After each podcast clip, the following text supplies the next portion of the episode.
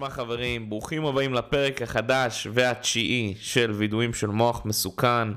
כאן המנחה שלכם נמרוד גטניו, ואת הפרק החלטתי להתחיל בנימה מאוד אישית, ובעצם לספר לכם מי אני ומה הסיפור שלי, פלוס מינוס, ואיך הגעתי באמת לתחום.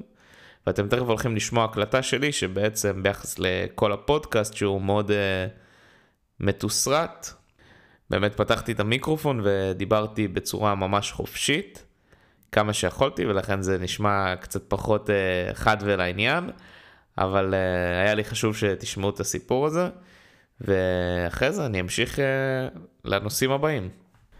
פרק רציתי לשתף אתכם באמת בסיפור של איך התחלתי עם כל התוכן הזה ולמה אני עושה את זה. אז אני מגיל 17 התחלתי לקחת סדנאות הכל, לא, אני אחזור עוד יותר אחורה. הכל התחיל בגיל 13-14, הייתי מתאמן באגרוף תאילנדי ובדרך הייתי נוסע באוטובוסים.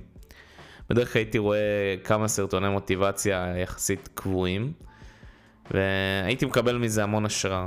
ואני חושב שמגיל 14 עד גיל 17 הייתי רואה על בסיס שבועי סרטוני מוטיבציה, והייתי מאוד אוהב לשמוע את הנאומים וכל הנואמים של התפתחות אישית.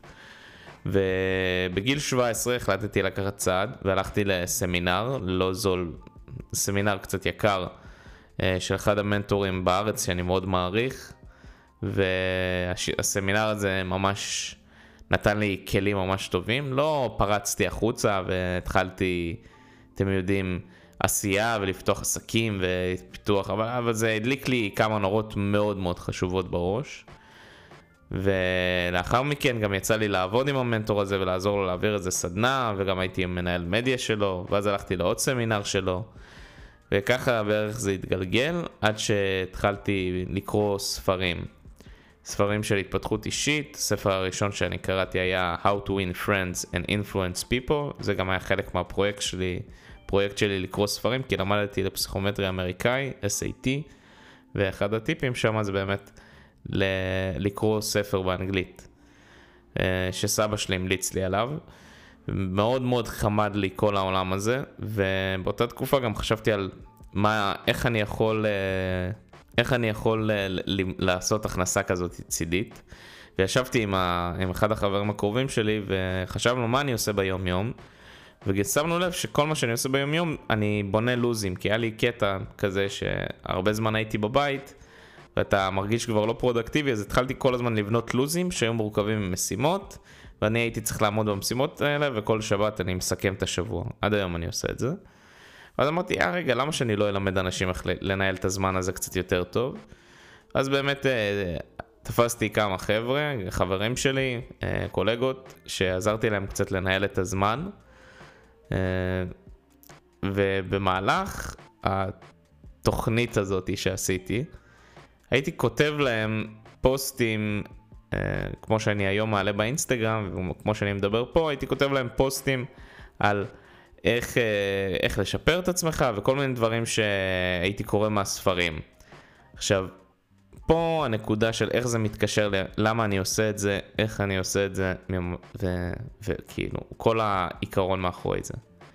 אז כל התכנים שלי כל, כל דבר שכתבתי, שקראתי בספר ונתתי לזה את הווריאציה שלי, זה דברים שאני בעצם כותב לעצמי.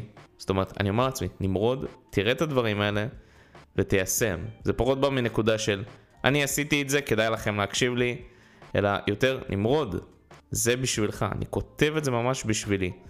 ואז אמרתי לעצמי יום אחד, תראה, אם אתה כותב את זה בשביל עצמך וזה עוזר לך וזה משפר אותך, למה שלא תשתף אחרים בזה, כאילו? זאת אומרת, למה שלא תעזור לאחרים? אם, אם זה עוזר לך, אולי זה יעזור לעוד מישהו, ו, ויכול להיות טוב. ואז באמת התחלתי לפרסם את הפוסטים שהייתי כותב לחבר'ה עם הניהול זמנים גם באינסטגרם, בסטורים. ואז עברתי כבר לכתוב ממש פוסטים באינסטגרם באופן קבוע.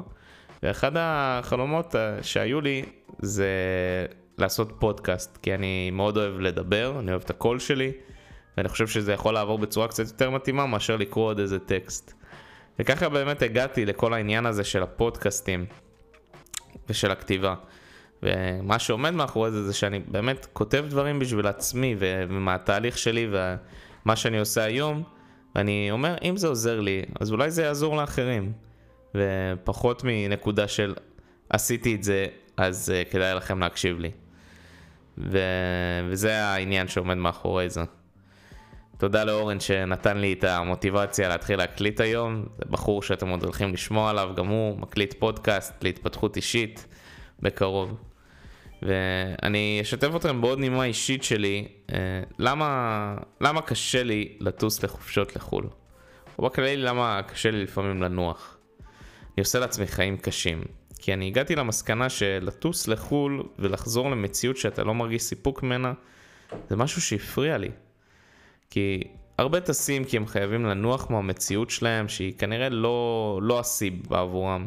אולי הם לא סובלים, אבל זה לא השיא, הם לא מממשים את עצמם. עכשיו, אני כן בא לנוח, אבל אני חושב שיש לנו שני תנאים בשביל לנוח. תנאי ראשון זה שאתה צריך להרוויח את זה ביושר. תנוח רק אחרי שעמדת ביעדים שהצבת לעצמך, ומה שנקרא, זכית בחופשה שלך. אתם יודעים, תחשבו על אה, אם אני נניח עובר את הסמסטר הזה בהצטיינות, אני, אני אצא לחופשה. אם עמדתי ביעד שלי ומכרתי אלף מוצרים או אלף קורסים, אז אני אטוס לחו"ל.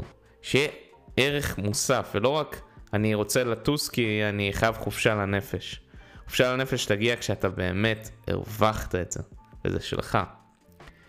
והתנאי השני, שהוא הרבה יותר קשה להשגה מאשר להציב יד ולעמוד בו, זה לחזור למציאות שנותנת לך סיפוק. אם אתה יודע שאתה חוזר לעבודה שאתה לא אוהב, עם מערכות יחסים שאתה לא אוהב, עם החברים שלך, או זוגיות, או יותר גרוע, עם הרגלים שאתה עושה ביום יום שאתה לא מבסוט עליהם, נניח אתה לא מתאמן או לא שומר על עצמך, אתה חייב לעבוד עליהם עוד לפני שאתה לוקח את החופשה עצמה. מהסיבה שאתה רוצה לחזור מהחופשה רעב, אתה רוצה לחזור למציאות הזאת, אתה רוצה לחזור ללעשות עוד, לאתגרים, למשהו מעבר, ולא לחזור ו...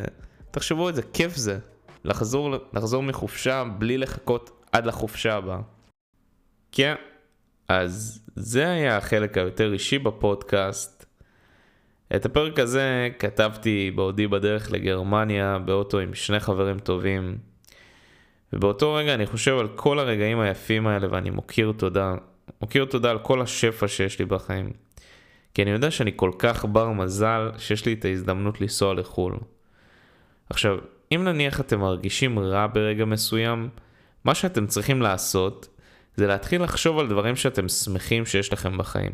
למשל, עצם היותכם בחיים, הבריאות שלכם, הבריאות של המשפחה שלכם, החברים שמקיפים אתכם.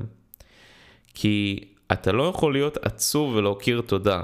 אתה לא יכול לכעוס ולהכיר תודה באותו הרגע.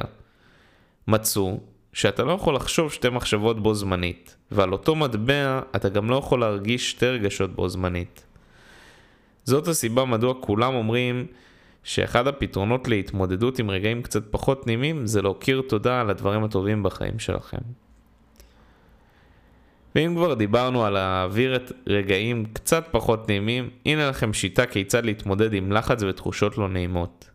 אני הולך לאתגר לכם את החשיבה עם שיטת day tight. מה היא אומרת? אחד הדרכים שלנו לבצע משימות ולהתמודד עם לחצים היא בעזרת חשיבה ממוקדת בתוך היום. כאשר אנחנו מציבים לעצמנו יעדים או רוצים להגיע למטרה מסוימת, בהסתכלות על התמונה הכללית קשה לנו להתחיל. למה? כי אנחנו לא ממוקדים וזה פשוט מרגיש לנו מסובך. אבל למען ההדמיה בוא ננסה ככה. במקום להגיד לעצמי, אני רוצה לשמור על הדיאטה שלי במשך חודש שלם, בוא נגיד, אני רוצה לשמור על הדיאטה שלי היום, רק עד סוף היום. הבנתי שהרבה יותר פשוט לעבור את כל היום בלי לשבור, מאשר לחשוב על לא לשבור את הדיאטה במשך חודש שלם. עכשיו, אפשר להשתמש בשיטה הזאת גם עם התמודדות עם לחץ. תראו, לחץ לא טוב לאף אחד כשהוא במינון גבוה, ולכולנו יש תקופות יותר לחוצות מאשר אחרות ואין מה לעשות. אז בימים מאתגרים כאלה תאמרו לעצמכם, בואו נעבור את היום הזה עד שאני אגיע למיטה. רק עד סוף היום. מאשר לחשוב על מתי התקופה הזאת תעבור ואיך אני אצליח להתמודד איתה. בואו נעשה את זה רק עד סוף היום. אתם תגלו שהשיטה הזאתי, שמתמקדת יותר בהווה ובהסתכלות לטווח הקצר, עוזרת לנו להתמודד עם לחצים ולצלוח ביעדים שאנחנו מציבים לעצמנו. וזה באמת מה שהיה לי חשוב לספר לכם הפרק, גם את הנימה האישית, גם את השיטה של די טייט וגם כמה חשוב לנו להכניס באמת הוקרת תודה. פרק תשיעי של וידועים של מוח מסוכן, תודה רבה שהאזנתם. אתם מוזמנים לשלוח לי ביקורת בונה, לכתוב לי מה חשבתם, לשתף חברים. אני, ניתן לתקשר איתי דרך האינסטגרם, נמרוד.גטניו. עוד שבוע, עוד פרק, אוהב המון, צ'או.